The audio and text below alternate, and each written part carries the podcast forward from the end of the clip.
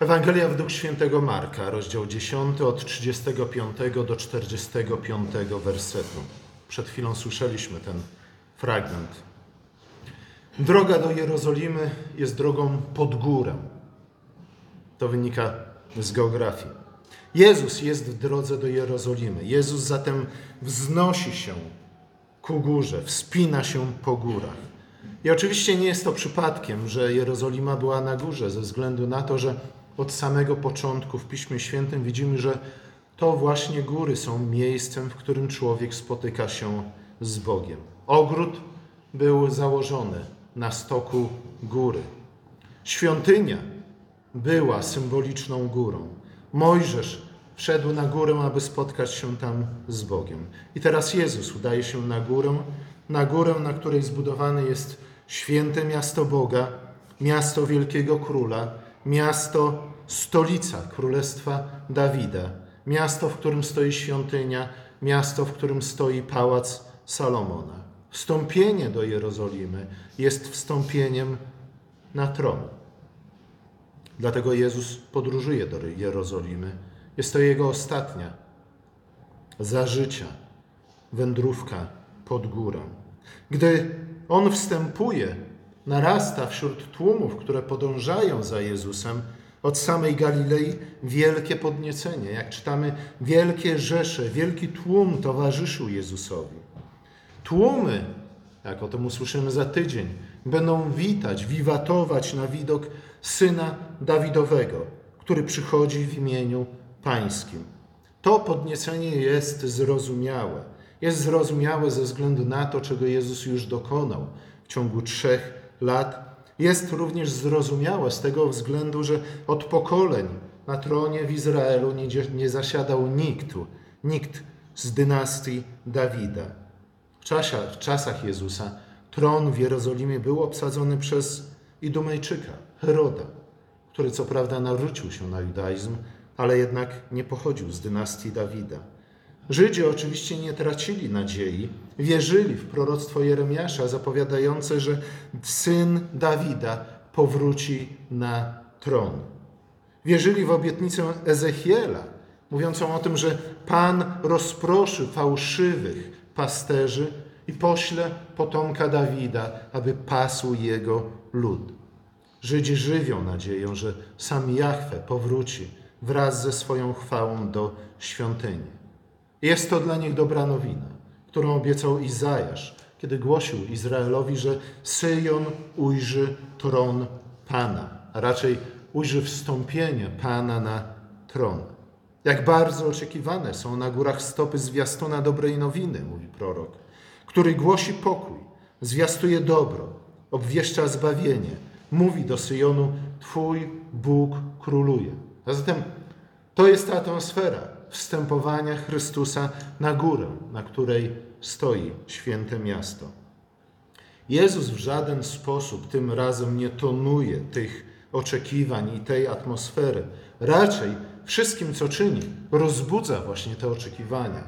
W końcu jego historia i historia Izraela dochodzi do punktu kulminacyjnego, do wywyższenia. W następnym rozdziale Jezus celowo konstruuje scenę swojego wejścia do świętego miasta, aby spełnić proroctwo Zachariasza, mówiące o tym, że król wejdzie do Jerozolimy na osiołku, niosąc pokój świętemu miasta. Miastu. Jezus nie zaprzecza już więcej temu, że jest królem. Nie ucieka od tłumów, które chcą go ukoronować, tak jak czynił to wcześniej. Jego wejście, jego wstąpienie do Jerozolimy jest wstąpieniem na tron.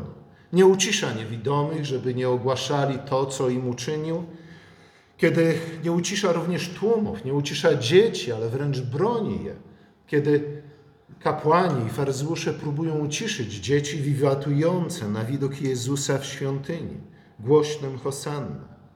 Jezus wstępuje na tron w świętym mieście Dawida. A zatem kwestią, czy też problemem nie jest to, czy droga, którą idzie Jezus, jest drogą prowadzącą na tron, drogą wiodącą ku górze. Problemem jednak, kwestią bardzo ważną, Kwestią, którą Jezus właśnie w tym fragmencie dyskutuje ze swoimi uczniami, jest to, jaki jest charakter tej drogi. Jaka droga ma zaprowadzić nas do sprawowania jakiejkolwiek władzy? Mówi dwunastu, że, choć jeszcze nie tłumą, że droga, która prowadzi ku górze, jest oczywiście drogą na tron, jest drogą ku wywyższeniu, ale jest to droga, która prowadzi przez odrzucenie, przez drwiny, przez hańbę i w końcu przez krzyż.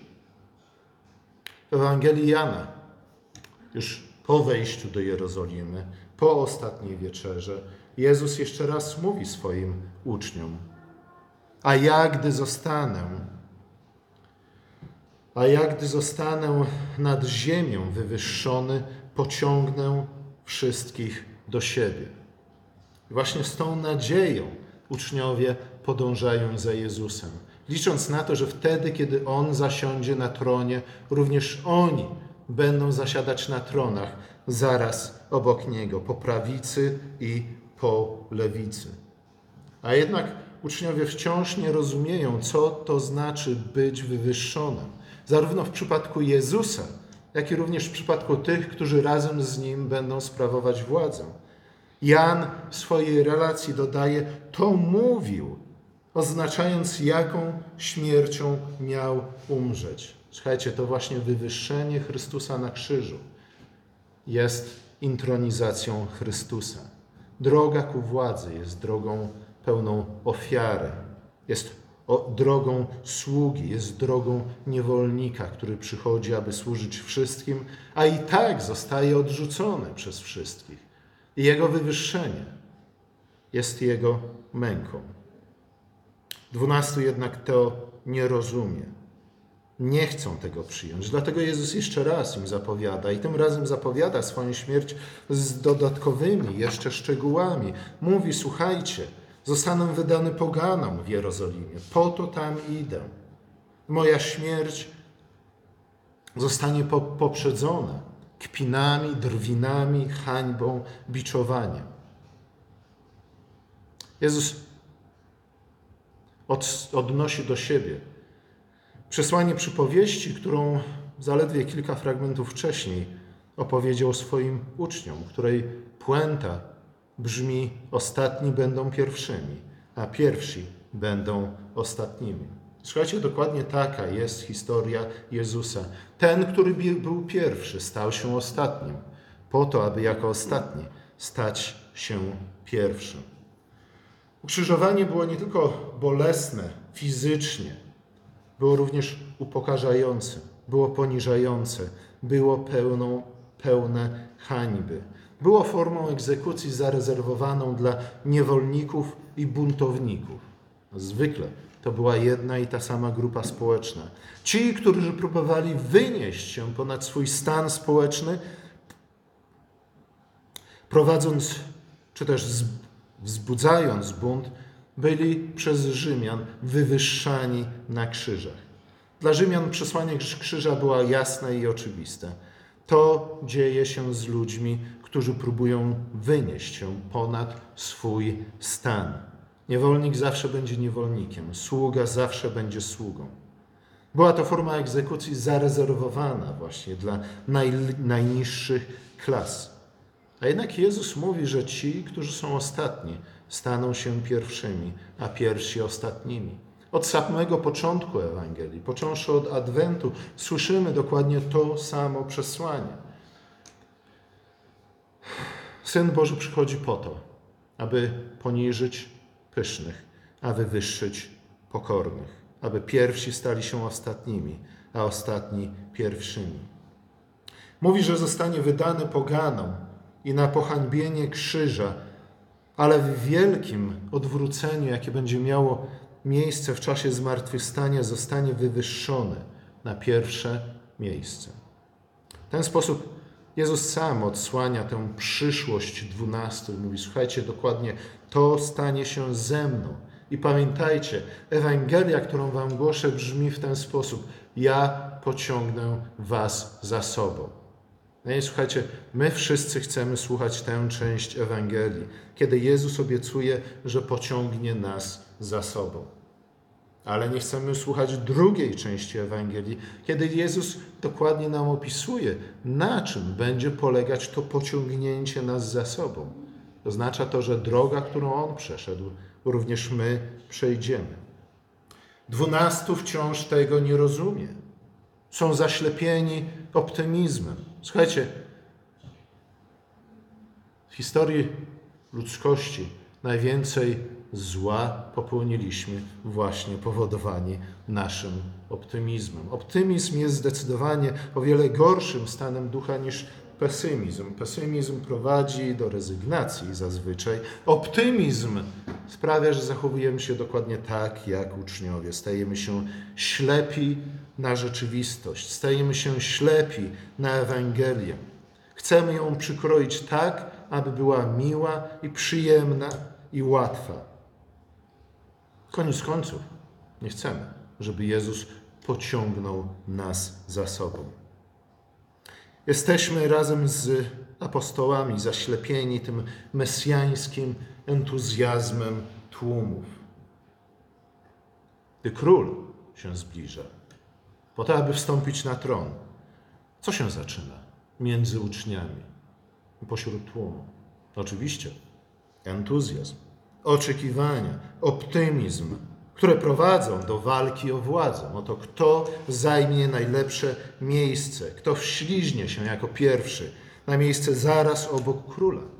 I tak Jan i Jakub, a dokładnie ich mama, co też jest wielce znaczące, przychodzi do Jezusa z prośbą o swoich synów i mówi: Słuchaj, Panie Jezu, kiedy już zasiądziesz na tronie, spraw, aby moi synowie Jan i Jakub zasiadali po Twojej prawicy i lewicy.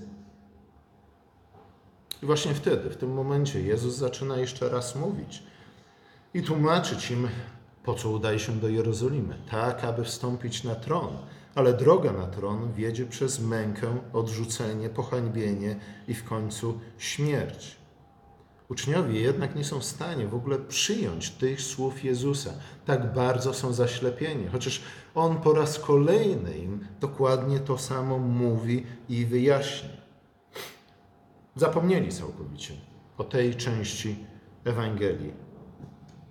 O części Ewangelii, która mówi nam, że droga na tron to droga krzyżowa. Na szczęście my w naszej tradycji nie obchodzimy drogi krzyżowej. Tym łatwiej jest nam zapomnieć o tym, że droga na tron jest drogą krzyżową. Ich matka prosi, aby, aby ci dwaj jej synowie zasiedli po prawicy i lewicy Jezusa. I Jezus mówi: Dobrze, ale czy jesteście gotowi pić kielich, który ja wypiję? I tu znów ma miejsce jedno wielkie nieporozumienie. Kiedy król sięga po kielich po to, żeby napić się wina, oczywiście wtedy, kiedy świętuje wielkie zwycięstwo, kielich jest jednym z symbolów sprawowania władzy i to sprawowania władzy przez zwycięskiego króla. A zatem uczniowie sobie myślą: O, dobrze. Matka najpierw sobie myśli, ale uczniowie stoją gdzieś tam obok i pewnie przysłuchują się tej rozmowie. Wiemy to stąd, że dwunastu pozostałych, czy dziesięciu pozostałych apostołów również słyszeli tę prośbę matki braci Jakuba i Jana i mówią: O, nie tylko będziemy zasiadać po prawej i lewej stronie, ale jeszcze będziemy dzielić kielich zwycięstwa z Chrystusem, kiedy pokona już swoich wrogów. Mówią bardzo dobrze, ubiegliśmy wszystkich pozostałych. Nie, nie ma to jak być asertywnym w życiu. Ale słuchajcie, o co chodzi z tym kielichem? Oczywiście, że jest to kielich zwycięstwa Chociaż w Piśmie Świętym kielich jest nie tylko kielichem zwycięstwa, ale kielich jest również kielichem sądu. Nie tylko prorocy, nie tylko Psalm 75, Jeremiasz w 25 rozdziale, ale również później Apokalipsa w 16 rozdziale mówi o kielichu gniewu Bożego. Jest to kielich, z którego Bóg każe pić swoim wrogom. I kiedy narody piją z tego kielicha gniewu Bożego, upijają się nim, potykają i upadają. Jezus jest królem. On ma kielich i on z tego kielicha będzie pił. Ale nie jest to kielich, który gniewu Bożego, który Jezus jako król wyleje na swoich wrogów, aby oni napili się z tego kielicha gniewu Bożego. Tym razem Jezus sam napije się z tego kielicha gniewu Bożego. Kiedyś, jak mówi nam o tym Apokalipsa, Jezus pośle swoich aniołów, aniołów, aby wylali kielich gniewu Bożego na zbuntowane miasto. Ale najpierw, teraz, w Jerozolimie, przy okazji tej wizyty, to On sam wypije kielich gniewu Bożego. Bierze ten kielich, wypije go i wchłania w siebie cały gniew Boży, który miał spaść na zbuntowaną ludzkość. Słuchajcie, później oczywiście takie licho, o których czytamy w Apokalipsie i które aniołowie wylewają na zbuntowane miasto, na miasto, które od samego początku mordowało niemalże wszystkich proroków, które Bóg, których Bóg do niego posłał, aż w końcu zamordowało Syna Bożego. Słuchajcie, w tych kielichach gniewu Bożego jest krew męczenników. To również powinno nam dać wiele do myślenia. Co oznacza wypicie tego kielicha? I skąd bierze się zawartość tego kielicha? Bycie uczniem Jezusa, bycie apostołem nierozłącznie wiąże się właśnie z podążaniem w Jego ślady. A jak czytamy w Nowym Testamencie, w przypadku pierwszego kościoła oznaczało to w większości przypadków męczeńską śmierć. Ewangelia potwierdza te słowa Jezusa. Mówi, że po prawej i po lewej stronie, że ci po prawej i po lewej stronie muszą pić razem z Nim z tego kielicha. To znaczy, że razem z Nim będą cierpieć, dzielić Jego cierpienie. Przejdą przez podobną mękę, przez którą On przechodzi. I tak dzieje się w Ewangelii, gdzie czytamy, że kiedy Jezus był ukrzyżowany, ukrzyżowano z nim razem dwóch złoczyńców, jednego po prawej, a drugiego po lewej stronie. To w bezpośrednim kontekście prośby matki synów Zebedeusza oznacza zasiadanie po prawicy i po lewicy Jezusa. To oznacza picie z tego samego kielicha, z którego on pił. Być po prawej i lewej stronie Jezusa, wywyższonym na tronie, oznacza pić Jego królewski kielich cierpienia. Kiedy pozostałych dziesięciu usłyszało tę prośbę, oni oczywiście też nic z tego nie zrozumieli, chociaż powinni byli zrozumieć. Jezus nie po raz pierwszy o tym mówi. Ba, Pismo nie po raz pierwszy o tym mówi. I oburzają się. Ale dlaczego się oburzają? Czy oburzają się ze względu na to, że o, zobaczcie, Jan i Jakub to są źli ludzie. Tak nie powinno się czynić. Czy raczej oburzają się z tego, że ci dwaj uczniowie uprzedzili ich w biegu, w sprincie do tronu, do chwały, do sławy, do zaszczytów, do władzy. Ja bym powiedział, że chodzi dokładnie o to drugie. Są po prostu na nich źli, bo ich uprzedzili. To ta sama dwunastka, dokładnie, która chwilę wcześniej zastanawiała się nad tym, kto z nich będzie największy w Królestwie Bożym i kto z nich jest największym apostołem. I właśnie wtedy Jezus musiał wziąć małe dziecko i powiedzieć mu: Słuchajcie, ten, kto stanie się tym małym dzieckiem, ten będzie najwyższy. Ten, kto jest gotów być ostatnim. Ten, kto jest gotów myć kible. Ten będzie najwyższym. A ten, który jest pierwszy do tego, aby dyrygować i delegować, ten będzie ostatni. Jezus im to jeszcze raz tłumaczy. Mówi: Słuchajcie, droga do wielkości, droga do władzy jest drogą krzyżową. I to oczywiście odbiega od pogańskich wyobrażeń na temat drogi, która prowadzi do wielkości. Jest to droga panowania, jest to droga wyprzedzania wszystkich innych, jest to droga poniżania wszystkich innych, wynoszenia się nad innymi. Słuchajcie, tak było w Rzymie, tak było w wielu starożytnych kulturach. Rzymianie zdobywali władzę i prestiż dzięki urodzeniu. Urodziłeś się w wyższych sferach? i miałeś to wszystko załatwione. Mogłeś również wsławić się jakimiś szczególnymi osiągnięciami, bohaterstwem w jakiejś bitwie. Rzymianie z wyższej klasy wzmacniali swoją reputację w jaki sposób?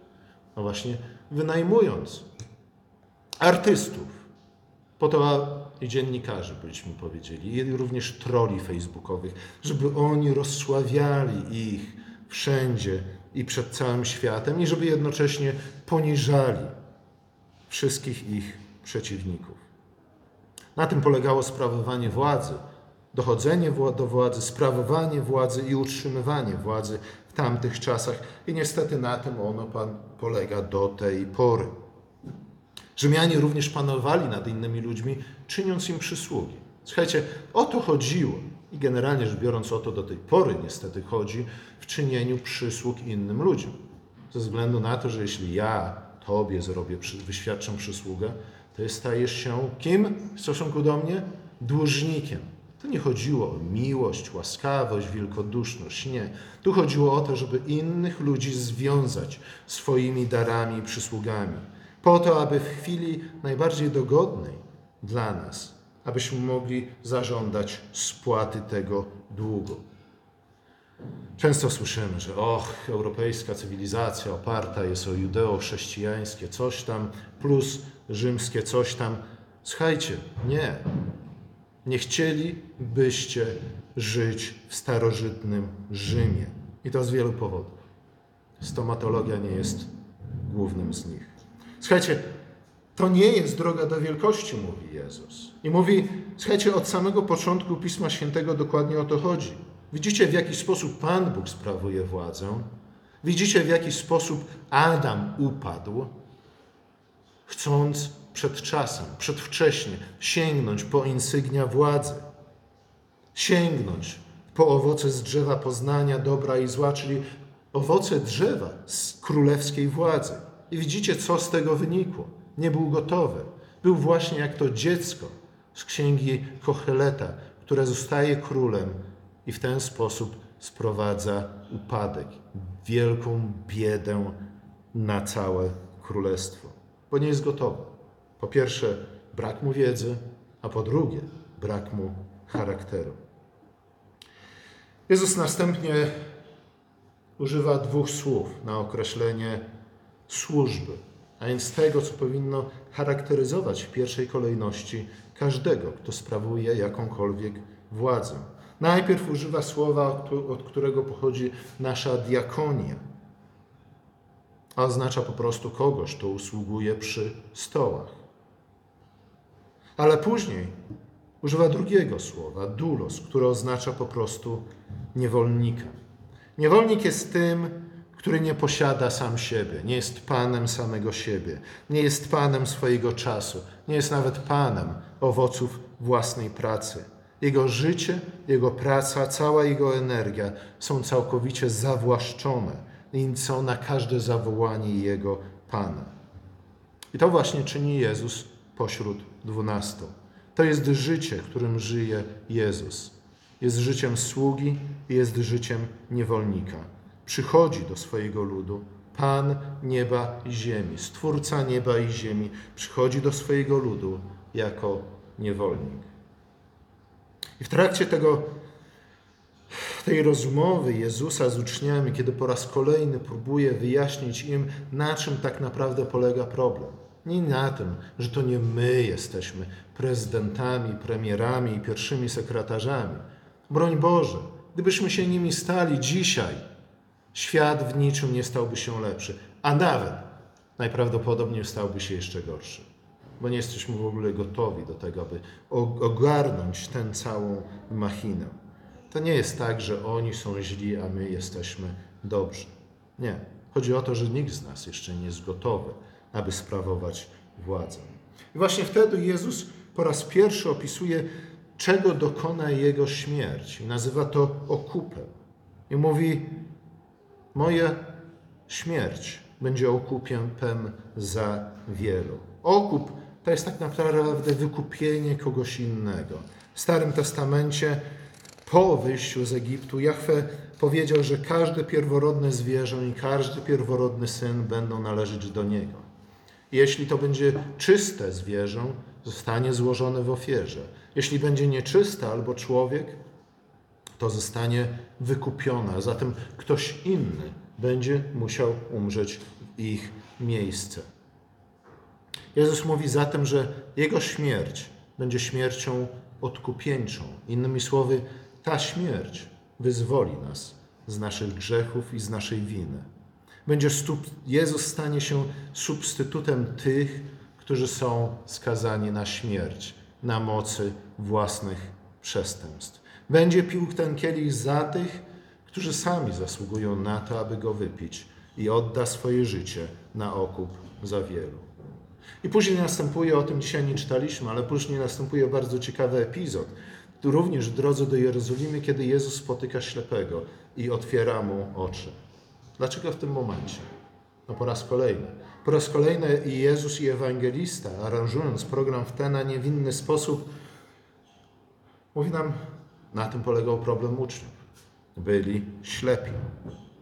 Byli, posiadali to, co Jezus nazywa zawistnym okiem. I oczywiście to określenie, jeszcze raz, potwierdza naszą interpretację oburzenia tych pozostałych dziesięciu apostołów na tych dwóch apostołów. Oni ich potępiają nie dlatego, że, zapłonął w nich słuszny i sprawiedliwy i święty gniew. Nie, oni ich potępiają ze względu na to, że sami mają zawistne oko. Ze względu na to, że ktoś inny ubiegł ich w wyścigu o władzę, która jest tak naprawdę wyścigiem o przywileje. Oczami oczy, czy też wzrok w Piśmie Świętym jest organem oceny i sądu. Zawistne oko to jest oko, które jest ślepe, które źle patrzy i źle widzi i źle ocenia wszystkie rzeczy. Zawistne oko to chciwe oko, złe oko, oko, które, które zbyt wysoko ceni ziemskie bogactwa, status, przywileje. I właśnie uczniowie wciąż mają takie złe, zawistne oczy.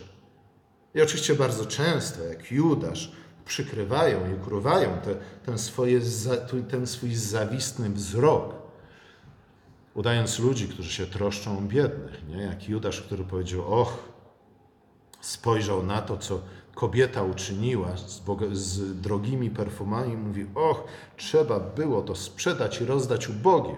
Słuchajcie, tam nie było żadnej troski o ubogich. Tam było tylko i wyłącznie zawistne, złe oko, które patrzy i kompletnie nie widzi to, co się dzieje. Uczniowie potrzebują nowych oczu. Między innymi po to, że bez zdrowych oczu nie będą w stanie sprawować władzy, ze względu na to, że będą patrzeć i nie będą widzieć to, na co patrzą. Nie będą w stanie we właściwy sposób oceniać rzeczy, wydawać sprawiedliwych sądów. Najpierw Jezus musi otworzyć im oczy. Nie tylko im, ale również nam. Po to, abyśmy zobaczyli, w jakim świecie tak naprawdę żyjemy, kim jesteśmy, jaka droga wiedzie do władzy i do chwały. Dokładnie to Jezus czyni. Należy by otworzyć oczy Jego uczniom. Nie wystarczy już ślina zmieszana z błotem. Potrzebna jest krew Chrystusa przelana na krzyżu. Bo to dopiero krzyż, a największa zbrodnia, jaką dokonaliśmy na człowieku, który był dobry i prawdomówny, i dlatego go zabiliśmy. Dopiero krzyż jest w stanie nam otworzyć nasze oczy, abyśmy zrozumieli, czym jest droga do chwały, abyśmy zrozumieli, że jest to droga krzyżowa. Amen.